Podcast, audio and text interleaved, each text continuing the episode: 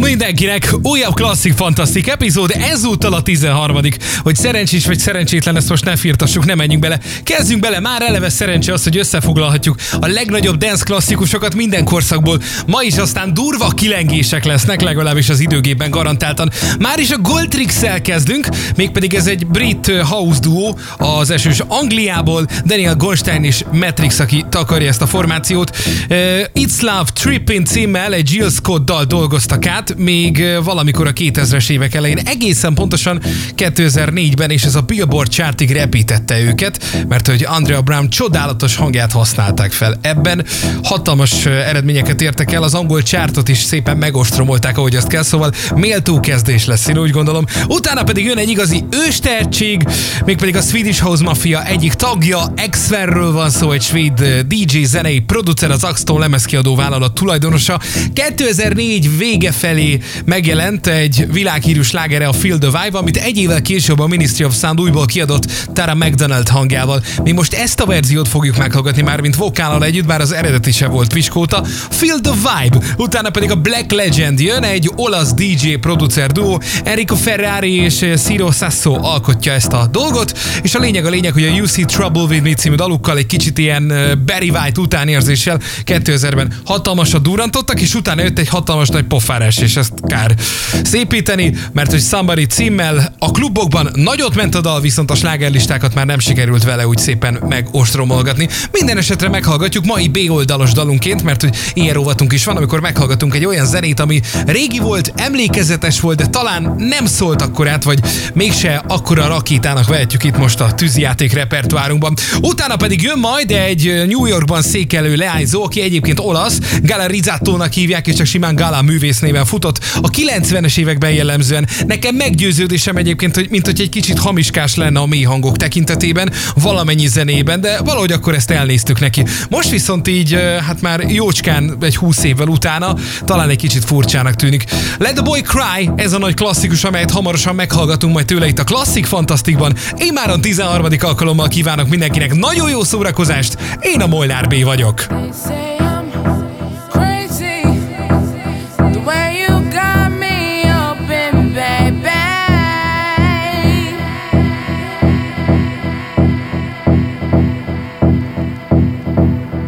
say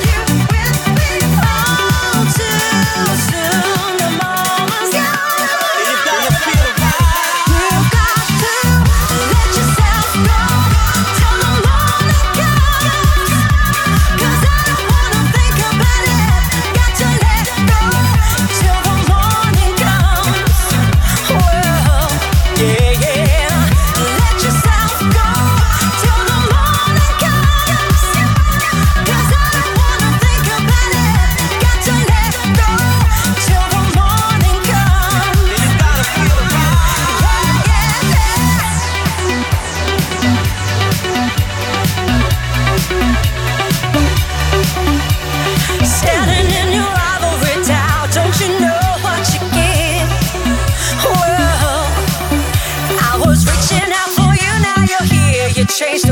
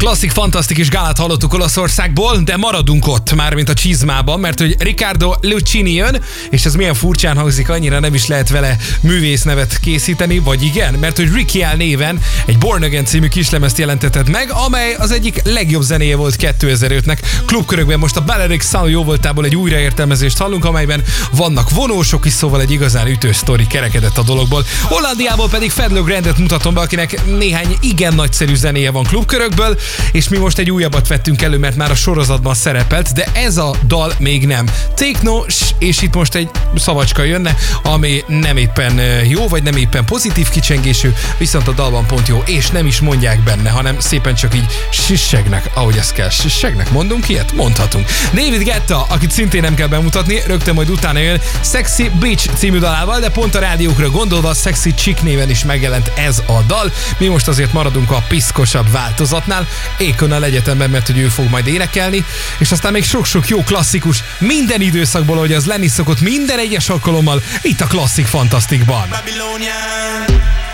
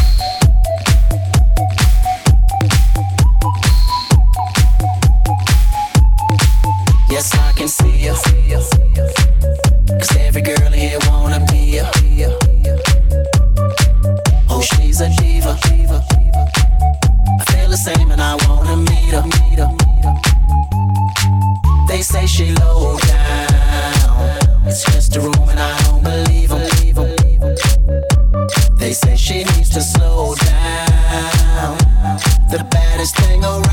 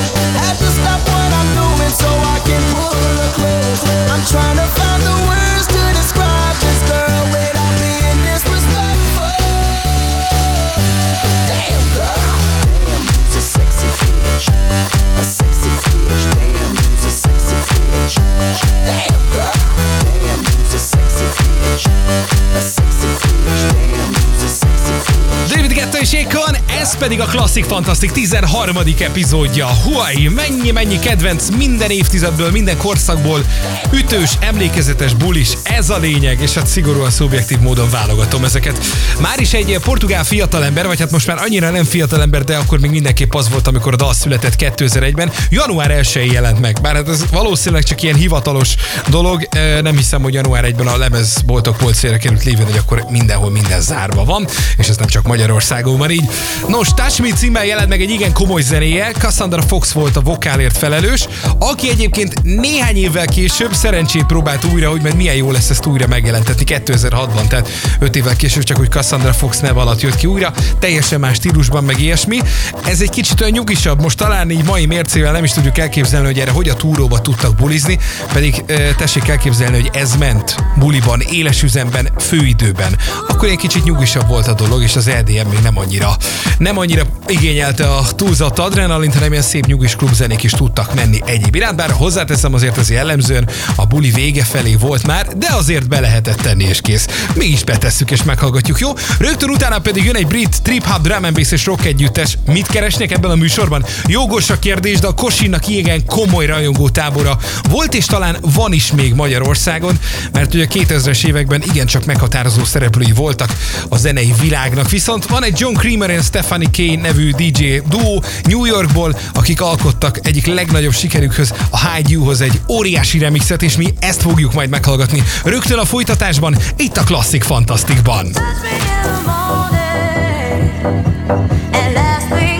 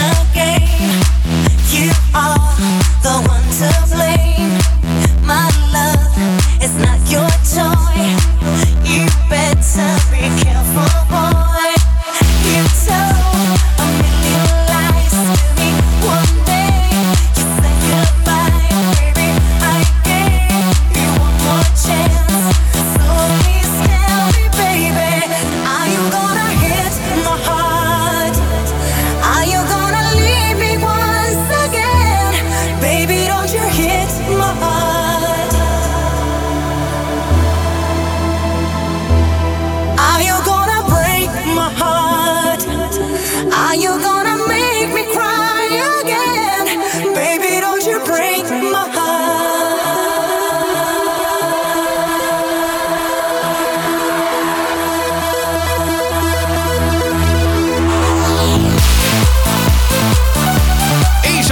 ismét megszúrtuk, a Klasszik Fantasztik 13. epizódja pedig zárul.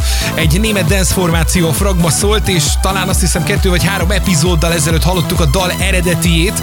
Ugyebár elmondtam a históriáját a Toka's Miracle című dalnak, hogy Tokame néven jelent meg még 98-ban a dal eredeti, aztán kapott egy vokált, és tulajdonképpen a Toka's Miracle hozta meg az igazi sikert a fragmának, ami azért nem egy rossz dolog. Mi most a vokális verziót hallgattuk meg, mert amikor legutóbb szólt ez a dalabban, nem volt benne ez a történet, és egy kicsit megfettek érte, hát akkor most pótoltam a hiányosságot. Rögtön utána pedig a Benassi Brothers, egy olasz banda, Benny Benassi és Ale Benassi, hát természetesen már a névből is ki lehetett sejteni, vagy találni, hogy testvérekről van szó. A 80-as évek végén elkezdték egyébként a DJ szeteket készíteni a szülővárosukban, már a 80-as években, és hát onnantól kezdve repdestek, meg mindenféle jó produkcióban benne voltak. Wickfieldnek is írtak többek között zenét, aki a 90-es években szintén egy komoly diszkó előadó volt, aztán Benny Benassinak beindult a szóró karrierje, aztán a tesót sem szerették volna lehagyni, vagy úgy lepipálni, és ezért Benassi Bros néven Dannyvel együtt a Hit My Heart szólt, és én ezekkel köszönöm meg a mai figyelmet, mert hogy a Klasszik Fantasztik 13. epizódja ezzel itt és most bezárul. Legközelebb pedig újból találkozhatunk, remélem, hogy így lesz, és velem tartotok, legyen így, akkor már a 14. alkalommal. Molnár B voltam, sziasztok!